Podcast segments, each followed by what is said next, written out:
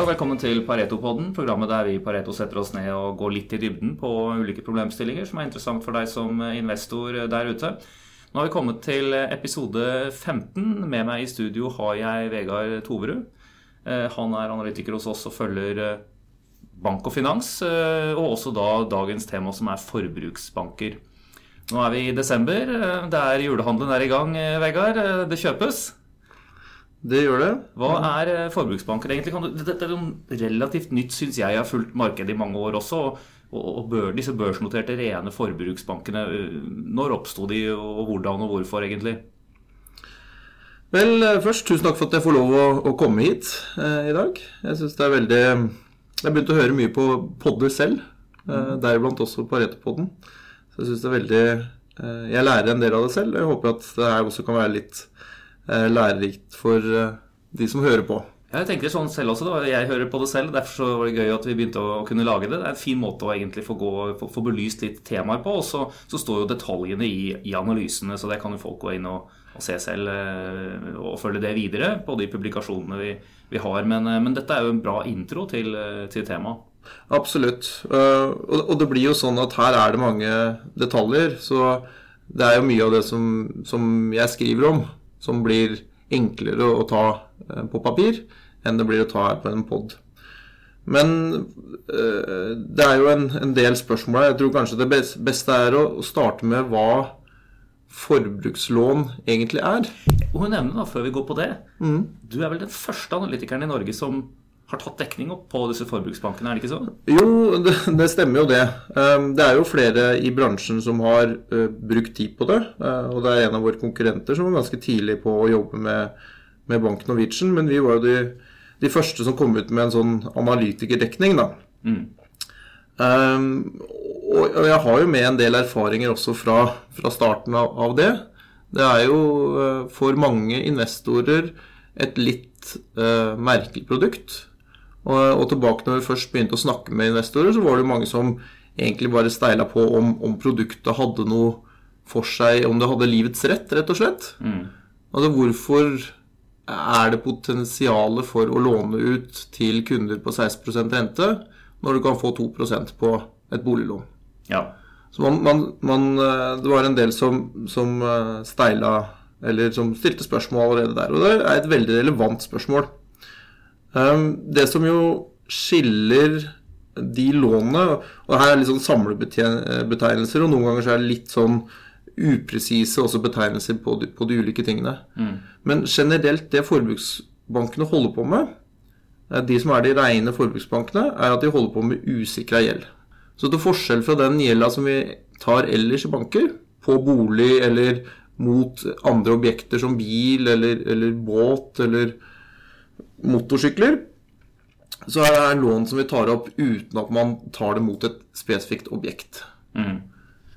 Um, og, så det, Derfor kaller vi det ofte så usikra gjeld. Og det er jo noe som man har holdt på med lenge. Og de store bankene har også holdt på med det lenge. Ja, for det er jo et poeng eh, at, at DNB er vel kanskje den største, og en del av de andre store bankene har jo dette her også gjennom kredittkort. Og det er jo en av, av, Det kommer vi sikkert tilbake til, men det er jo en av typene forbruksgjeld som mange kjenner. Men ellers er det jo mye av dette andre som jeg, hvis jeg tolker det riktig, fungerer litt som en slags kassakreditt, nesten, hvor du opp til en viss ramme kan, kan trekke. Ja, og, og, og, det er jo en viktig sånn skille. Og, og det her er også en av de tingene som er, er, er viktig å ha litt kontroll på. fordi eh, DNB er jo størst på kredittkort. De er den største spilleren der. Men de er ikke størst på det som ikke har med, med selve kortet å gjøre.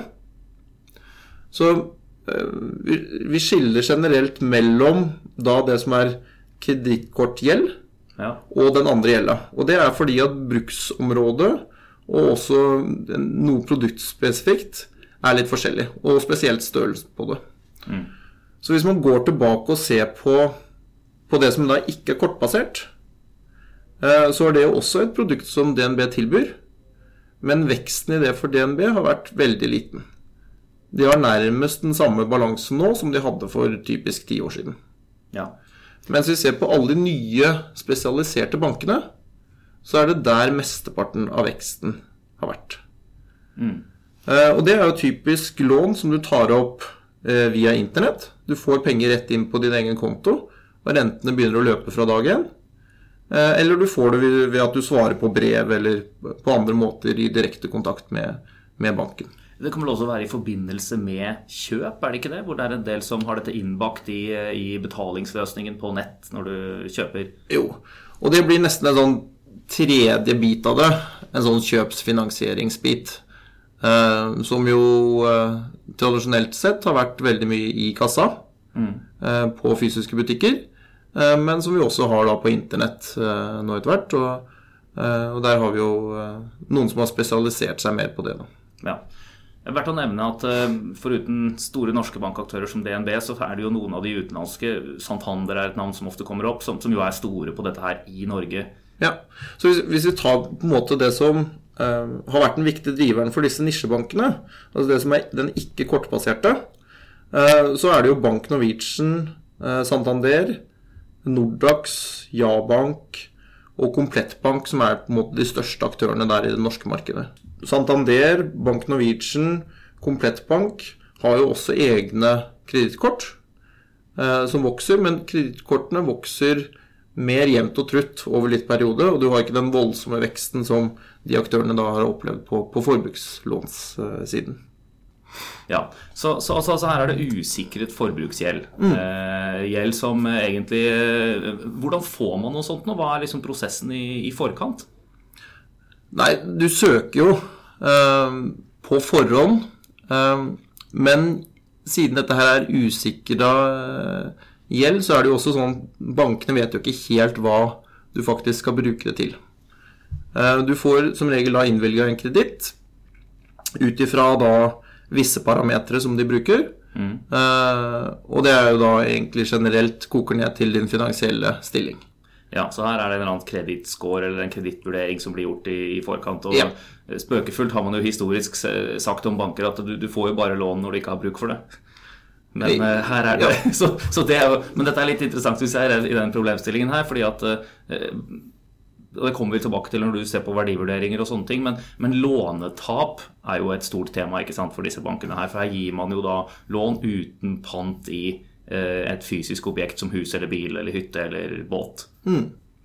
Ja, nei, absolutt. Lånetap er jo et, en, en, veldig viktig bit av det. Og, og spesielt da siden du, dette er usikra.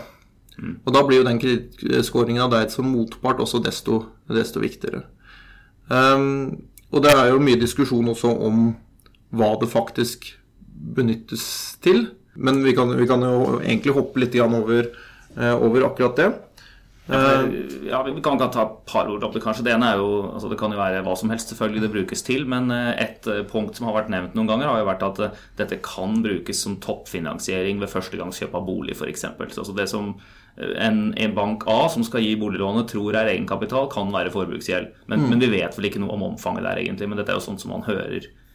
Ja, Det er jo akkurat det vi Gitt produktets eh, natur, så vet vi jo ikke noe om omfanget av de spesifikke. Um, men det er noen um, salgsagenter som gjør noen undersøkelser. Det er andre som gjør undersøkelser, så vi har noe informasjon. Mm. Um, og generelt så jeg tror jo uh, at det er noen som har historisk sett benytta det til egenkapitalbiten av, uh, av, et huskjøp. Det er jo en av de tingene som vi da ønsker å, å, å få bort ved et gjeldsregister. Ja. Så det blir det forhåpentligvis mindre av, av framover. Det er jo ikke sunt for stabiliteten i, i det finansielle systemet.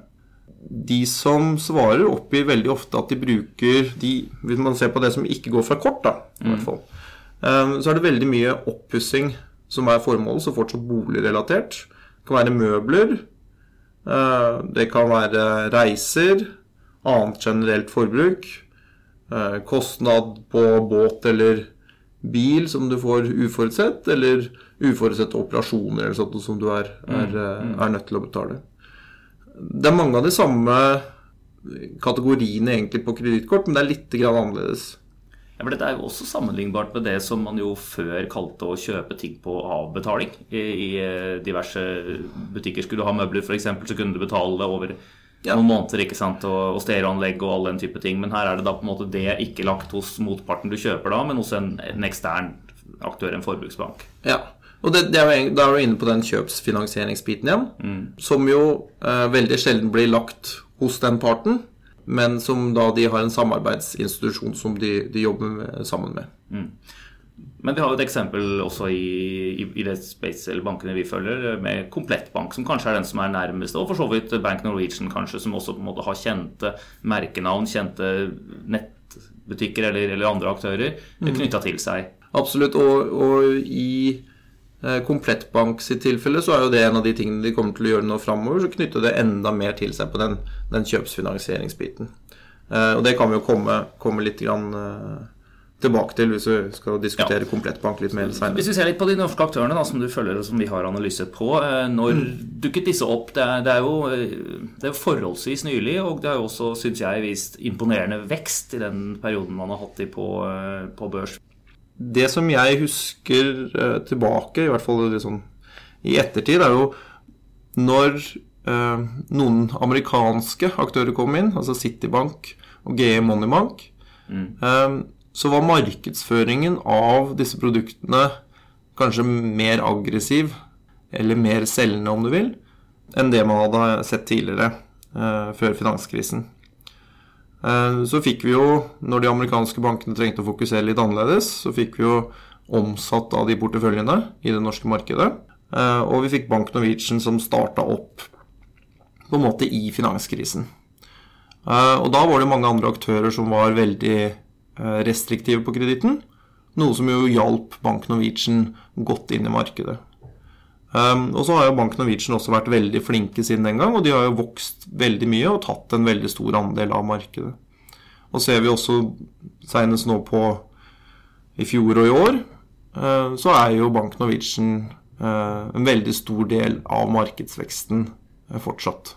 Ja, Markedsveksten har tilsynelatende vært eh, stor, og det har jo også drevet kursen opp her. Men det er klart når en bank vokser, når utlånene vokser, så binder de også mer kapital. Mm.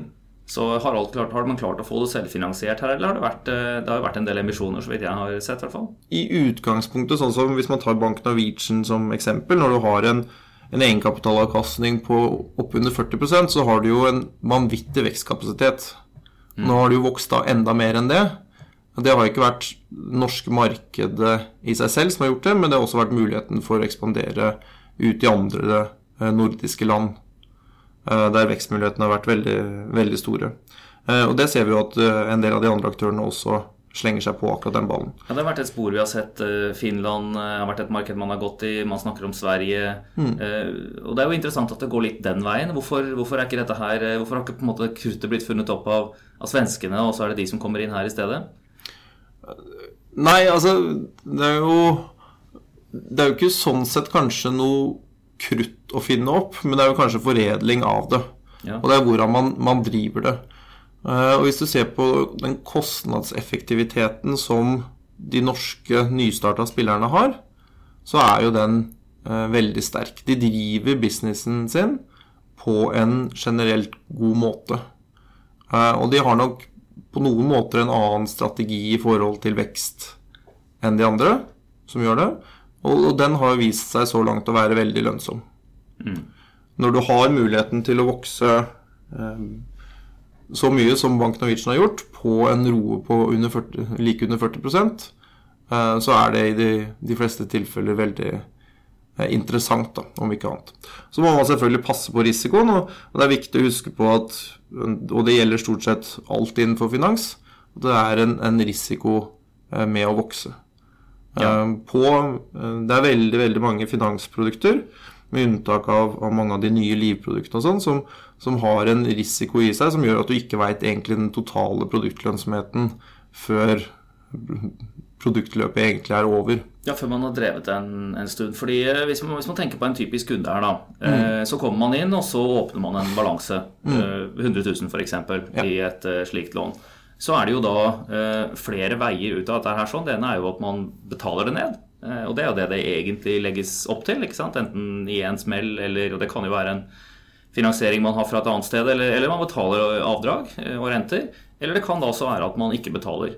Eh, og det er jo også en stor prosent av, av disse, eller en stor, får man si, altså en betydelig prosent eh, av kundene som, som, ikke gjør. Og så går dette da videre til enten gjelds, til en slags gjeldsinndrivelse. Og det har man sett, så vidt jeg har sett, at en del av disse aktørene de, de, gjør ikke nødvendigvis all den jobben selv. Når det kommer over en viss terskel, så selges porteføljen til egne selskaper. Og vi følger jo også noen av de eh, analytisk som, som, jo driver med gjeldsinndrivelse. Hmm. Det stemmer det. Og øh, hvis man ser på markedet, det norske markedet da, som helhet, så har jo egentlig Jeg syns jo tapene som regnskapsføres, da, eh, er eh, veldig lave. Spesielt i forhold til de rentene som man, man tar. Da. Det er jo det som driver lønnsomheten sånn sett. Ser man på de som har da eh, det som vi på godt norsk kaller non-performing loans, de som ikke følger betalingsplanen, hvis man skal ja. sette et ord på det. Hvis man ser på utviklingen av det, så har jo det gått jevnt og trutt ned siden finanskrisen. Bundet ut på rundt 4 av lånene eh, i 2014, før det nå har steget og er oppe på et nivå like under 6. Eh, hvis man ser på, på, hva som faktisk regnskapsføres av, av, tap, så er jo det fortsatt veldig lavt for bransjen som uh, sett under ett. Mm. Ser man på utviklingen av non-performing loans, uh, så kan den se veld, Den er veldig dramatisk. Når du ser på enkeltaktørene, så, så er det jo grunn til å følge med. Og det er jo noe vi har sittet og gjort veldig over de, de siste tiden. Men når vi møter de, vi har møtt dem på noen morgenmøter, og du møter dem jo oftere, så, så, er jo dette en av de temaene som selskapene er veldig opptatt av. At de sier at de har, hver, hver for seg sier de at de har en god prosess for screening av kunder og for å håndtere eh, problemengasjementer. Mm, og det må vi jo tro de på. Uh, og så til syvende og sist så er det jo hvordan dette spiller kommer gjennom regnskapene, som, som er det som er det viktigste for, for oss som sitter og, og følger med på, på, det i detalj, og for uh, eierne til syvende og sist. Så hvis man følger da med på de enkelte bankene, så ser jo da utviklingen dramatisk ut. Og de som har da vært kanskje mest negativ til uh, de bankene, de investorene som vi vi snakker med, som har vært mest eh, kjølige, og noen av de har, har til og med eh, forsøkt seg på å, å shorte noen av navnene. De har vært veldig opptatt av den oppbyggingen av non-performing loans på det enkelte selskap, um, og hvordan da de skal klare å håndtere det framover. Det som jo har vist seg, er jo at disse uh, gjeldskjøperne, som du var inne på, uh, de har kjøpt opp veldig store, noen ganger nærmest alt de har av eh, da non-performing loans. Mm -hmm. Og de har kjøpt jo opp for mer enn det selskapene har bokført det til, slik at de også da kan få en, en, en eh, økning av egenkapitalen sin ved det salget. Ok, Så det blir innvannsalg, eller hva man kaller det. Og Absolutt. En faktor å, trekke inn her, egentlig for de som er veldig bekymret over dette, er jo eh, to ting. Den er jo at man i, i hjemmemarkedene her i, i, Norden så har man jo i bunn og grunn en, en kultur for å gjøre opp for seg. Mm. Eh, men vi har jo også et lovverk som for så vidt støtter gjeldsinndrivelse og den type ting uh, gjennom reglene. Nå er det jo slutt på at man har gjeldsfengsel borte i Oslo her. Det, jeg husker jeg, det var et utested som het Tukthuset da jeg var i den tida jeg gikk mest på byen, men det, det, er borte nå. Men det var jo i det gamle gjeldsfengselet i Oslo er et av de. Uh, og det, er jo slutt på det der nå, men, men i bunn og grunn så så, så, kan man få frivillig gjeldsordning. Går an å slå seg konkurs og sånn i verste fall, men, men, men ellers så følger jo gjeld deg. Du, du kommer ikke unna den. Nei. Det er um, heldigvis uh, vanskelig å komme seg unna gjeld i Norge som privatperson. Uh, og det jo, kan være vanskelig for de som har først kommet til uføre.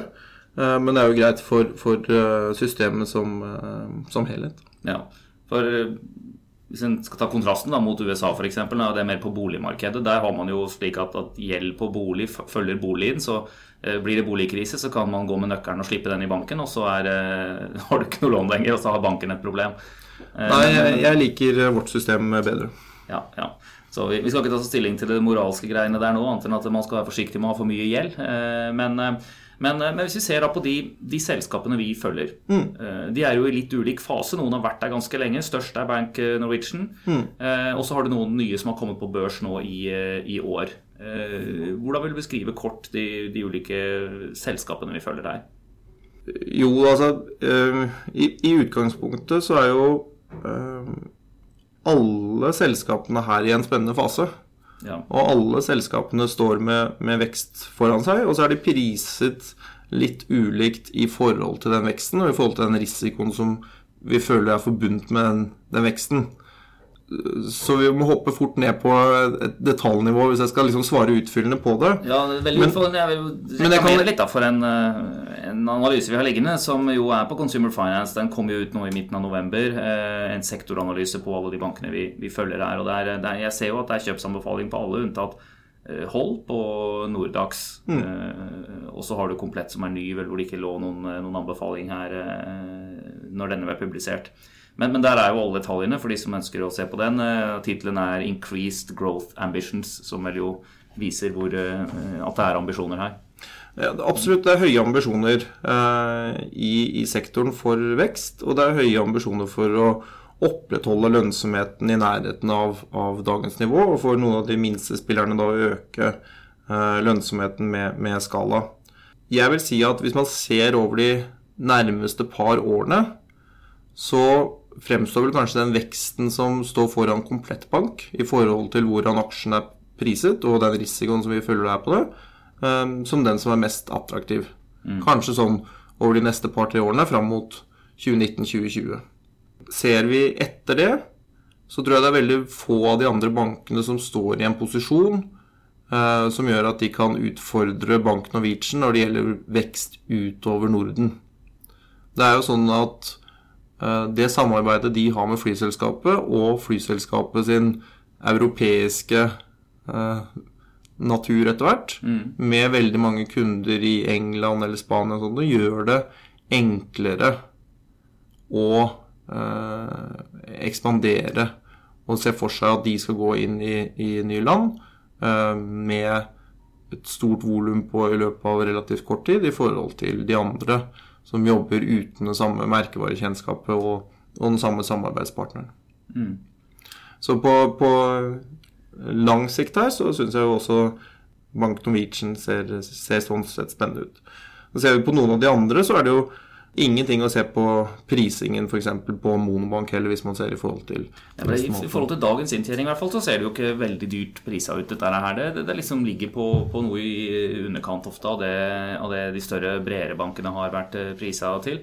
Eh, Men det er kanskje logisk også gitt eh, den korte naturen, kan man si, og høy turnover da, på det underliggende her. sånn, for her er, det jo, her er det jo ikke lån sånn som til hus, hvor du kjøper, og så, og så er man kunde i 30 år og betaler dette her. Dette, dette har jo egentlig en, en kortere livssyklus, har det ikke det, disse, disse lånekundene?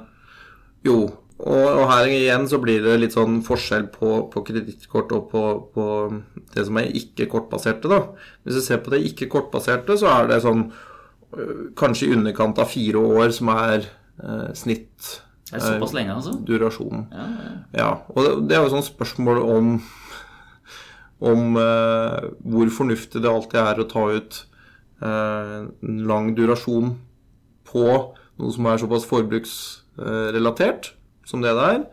Eh, og det er jo en av de tingene som også skjer på reguleringsfronten i forhold til akkurat det. Det skjer jo mye på reguleringsfronten her. ja. Eh, og, det, og det er jo en av de tingene man eh, bør passe litt på. Det er jo en spennende sektor, fordi det er mye som skjer. Veksten er veldig høy. Det er mye som skjer med, med vekst framover også. Mm. Og så er det en del ting på reguleringer som jo eh, bl.a. har da eh, som hensikt å, å dempe veksten noe. Ja, for myndighetene er jo opptatt av dette her og følger med på det. og Det gjelder jo både eh, markedsføring og hvordan regningene skal se ut og liksom en, en del sånne ting som, eh, som er eh, temaer. og nesten kanskje vanskelig å, å gå veldig i detalj på det nå. Men, men, men hvis man tar og spør seg litt vekst, da. For vi ser at de har hatt stor vekst nå. Og alle har ambisjoner om stor vekst fremover. Eh, Og hvert fall en, en måte å få det på er jo å ta samme konsept inn i flere markeder. og det, det har vi snakket litt om. Eh, Men hvis man tar og ser for seg samme marked, da, så, så må du jo enten få flere kunder i samme marked. Mm. Hver kunde må låne uh, mer. Mm. Uh, for, for at veksten skal, bli, eh, skal, skal oppnås. Og når du samtidig har flere som etablerer seg og begynner å konkurrere med hverandre, eh, så må det jo bli limits to growth, som man kaller det, her, et eller annet sted. Og samtidig så tenker jeg også, det er en liten sånn eh, dark horse eller ukjent inn i ligningen her, da, det er jo at eh, de tradisjonelle bankene har jo ikke vært så veldig aggressive på denne fronten i den fasen vi har hatt bak oss de siste årene. Nettopp fordi at de har hatt fokus på å bygge egen balanse opp til, til visse kan du si, eh, kapitalvekter, som jo mange av de nå begynner å nå. og Det er jo et tema vi kan se på en, en annen gang her. Eh, nå, og, og, da begynner jo straks de igjen å spørre seg ok, nå har vi kapital, hvor skal vi vokse? Mm. Og da kan jo, i teorien i hvert fall, forbruksfinansiering igjen være noe å ta tak i for, i større grad da, for, for, en del av de tradisjonelle spillerne. Det er absolutt en mulighet, og vi, vi ser jo eh, tiltagende tegn til det hos eh, flere aktører. Men jeg er ikke sikker på om det er, er den siden av konkurransen som jeg er, er mest bekymret for. Det er et eller annet med nok en gang tilbake til produktnaturen som nok gjør at kanskje kredittkort er enklere å selge for, for, banker som har et bredt produktspekter, mm. enn de, den rene forbrukslånet som ikke er tilknyttet uh, kredittkort, og som som regel har noe uh, som er av, av, større karakter og brukes på, på, en litt annen måte. Uh, og som jeg nok tror er nødt til å selges på en litt annen måte. Uh, og akkurat det siste der tror jeg kan være viktig innad en sånn slags produktplattform for, for de større bankene. Men når det er sagt, så er jo sånn eh, Det er kommet mange aktører til. Det er jo et marked som er såpass lønnsomt at man, man skulle jo forvente at det kommer mange aktører til. Ja, ja. Og alle disse aktørene lover jo vekst til, til sine eiere. Eh, og det bør jo da bli en konkurranse om, om den veksten. Så langt så har jo den konkurransen gått i veldig stor grad på egentlig markedsføringskroner. Altså det å være synlig i, eh, på de plattformene som er viktig å være synlig på i forhold til å få volum. Mm. Og det er mer betalingen for volum som har drevet kostnader for bankene, mer enn at man har konkurrert ned egne marginer. Men over de siste kvartalene så syns jeg at man ser en noe hentydning til at det kan være noe press på marginene. Nå er ikke det veldig mye, og det kommer jo litt an på hvilket tidshorisont man ser på det osv. Men det er en av de tingene som eh, jeg følger da mest med på uh, nå framover. Ja, prispress ovenifra, da, altså rett og slett på at, at, at man en tilbyr lån til 16% en annen til 15,5 og så liksom blir det den veien. Ja. Mm. Men som sagt, det kan se sånn ut. Ja. Det er litt tidlig å, å se enda, og det avhenger litt av tidsperspektiv etc. Men fra å være Hvis vi sier at jeg i i 2017 har vært mest fokusert på regulering og på utviklingen av eh, lån, potensialet for låntap via non-performing loans, så kommer nok fokuset mitt til å dreie seg nå når vi går inn i, inn i 2018, med å følge med på marginene som faktisk tilbys ut i markedet. Mm. Det, er, eh, det er, interessant. Eh, vet vi noe konkret om dette gjeldsregisteret? Jeg tror gjeldsregister, vi, vi, vet noe konkret med, om det. Eh, og så tror jeg gjeldsregisteret er det minste av problemet for regulering for denne bransjen. Gjeldsregisteret er jo utgangspunktet noe som alle ønsker. Mm. Og det man snakker om, er egentlig mer sånn praktisk hvordan det skal implementeres. I forhold til hvem som faktisk skal sitte på det, etc. Eh, og der er det jo internasjonalt også forskjellige løsninger. Det som jo kommer til å skje der, er jo at bankene vil få bedre kredittinformasjon, noe som gjør at de eh, presumptivt kan få, eh, vil få lavere tap. Man kan f.eks. unngå at man, man, benytter da forbrukslån som egenkapitalbidrag inn, inn, eh, hvis man skal kjøpe seg bolig. Mm. Noe som jo er positivt. Ja, bortsett fra de som skal selge bolig, da. Så alltid noen aktører ting ikke er positivt for. Men, men, eh, når vi har snakket med aktørene innenfor forbruksbanken her, så er jo alle positive til gjeldsregister. Det, mm. det, det, er det, det, er det man hører. Mm. Men jeg tror, jeg tror, det er andre ting som kan, kan, slå ut mer når det gjelder på, på reguleringsfronten. Jeg, jeg, tror sånn i forhold til markedsføringsmessig aspekt av det, som det har vært veldig mye fokus på Det var jo mye usikkerhet rundt hva som faktisk skulle komme på det. Mm. Eh, så har jo det endelige forslaget som nå er der, da, endelige resultatet, er jo mye svakere enn det som vi kanskje diskuterte, og i hvert fall frykta mm. på forhånd. Så det tror jeg ikke vil påvirke så mye. Um, og så er det Finanstilsynet som i tillegg har kommet med noen restriksjoner på produktene. Spesifikt det at man ikke skal gi forbrukslån på over fem års varighet, Ja. eh, som eh, jeg tror vil ha en begrensende effekt på utlånsveksten i Norge. Men da gjelder det i Norge, og det vil være da eh, Det vil være noe som aktørene jobber iherdig med å tilpasse seg. For man, man, man skjønner jo at myndigheter kan være litt eh, opptatt av dette her, eh, og at det også blir alltid en del eh, avisskriverier av typen eh, folk som handler i en, en gjeldsfelle. Luksusfellen er jo et program man ser på, på TV-en, og, og som er, er interessant. Og det er klart at det markedsføringsmessig så sitter jo aktørene her på et sterkt budskap hvis de sier til, til folk i bunn og grunn kortversjonen du kan få det du har lyst på i dag. Og så er den betalingen, hvordan dette da finansieres, det, er, det, det kommer liksom i ettertid. Men, eh, men eh, du kan få den klokka, den eh, bilen, gitar, stereoanlegg. Det er mulig å få det i dag. Mm. Og det er jo et sterkt budskap. Jeg, jeg skjønner jo det. Og man skjønner jo også kanskje at én til én så er dette her fullt mulig å håndtere, men i sum så må man på en måte beskytte kanskje samfunnet litt mot seg selv her, da. Hvis man skal si det sånn.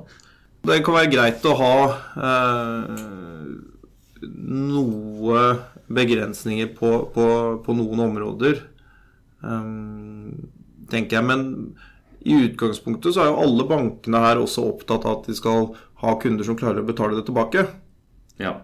Så jeg tror, jeg tror ikke det nødvendigvis er en sånn kjempemotstilling mellom, mellom samfunnet og, og bankene på, på, på den måten, altså.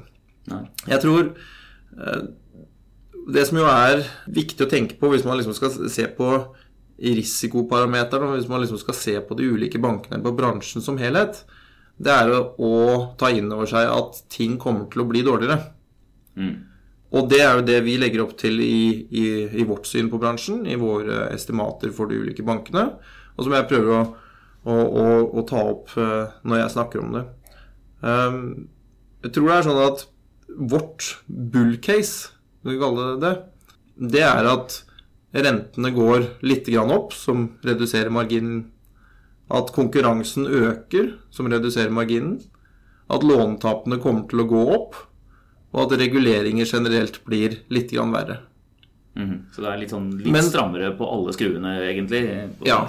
Mm. Men så lenge alt blir bare litt grann dårligere på alle parametere, så er det fantastisk i forhold til inntjeningen for disse bankene og for, i forhold til verdiskapningen der. Og vil være det da presumptivt for aksjonærene.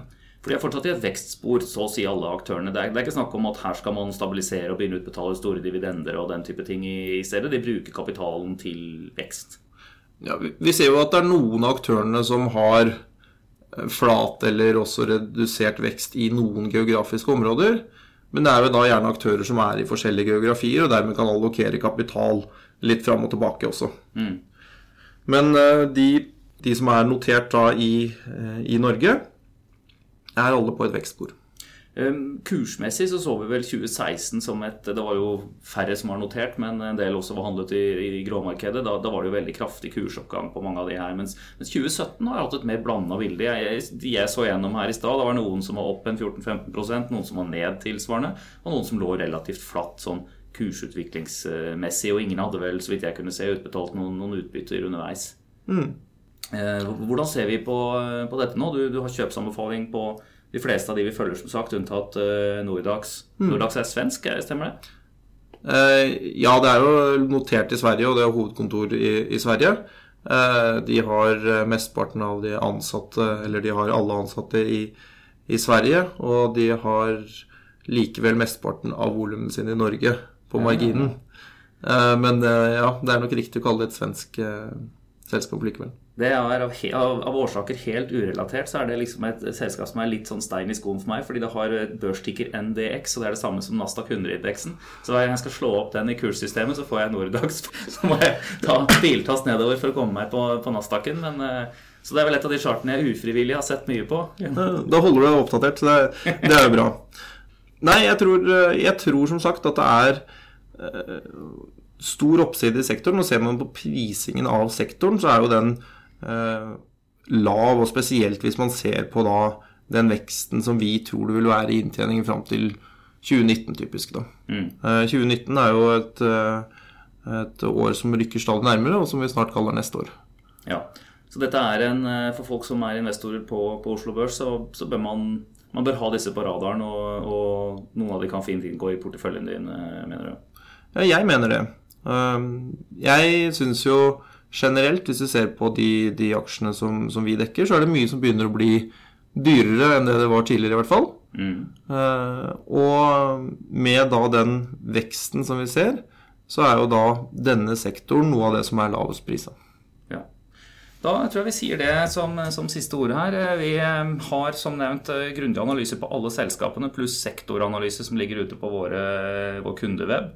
Eh, på consumer finance-sektoren. Jeg anbefaler folk til å kikke litt på det. Eller så, så, har vel du også et ukesprodukt som vi kan nevne her, sånn, som jo er eh, en ukentlig finansmail. Vi, er, vi, er, vi, vi, har, eh, vi har, mange produkter, absolutt. og i disse produktene prøver vi å gå mer i detalj enn det vi dessverre rekker i løpet av en sånn podkast. Ja. Uh, så der har vi forhåpentligvis svart på litt mer, men jeg håper at dette her kunne vært en, en, en grei introduksjon og en grei oppsummering for eh, noen. Så har man i hvert fall noen knagger å henge på. God eh, intro til case. Og så har vi da som sagt ukentlig mail, FIG Weekly, for financial-sektoren, som man kan abonnere på på våre nettsider. Og så er det en fin analyse her, 22 sider om consumer finance, som passer godt med et glass foran peisen sier vi tusen takk til Vegard Torud og eh, til dere der ute. Del og kommenter gjerne podkasten videre, så, så, får vi spredd den der ute. Det syns vi er gøy. Og da, da sier vi tusen takk for oss i dag. Ha det bra. Takk for at du fikk komme.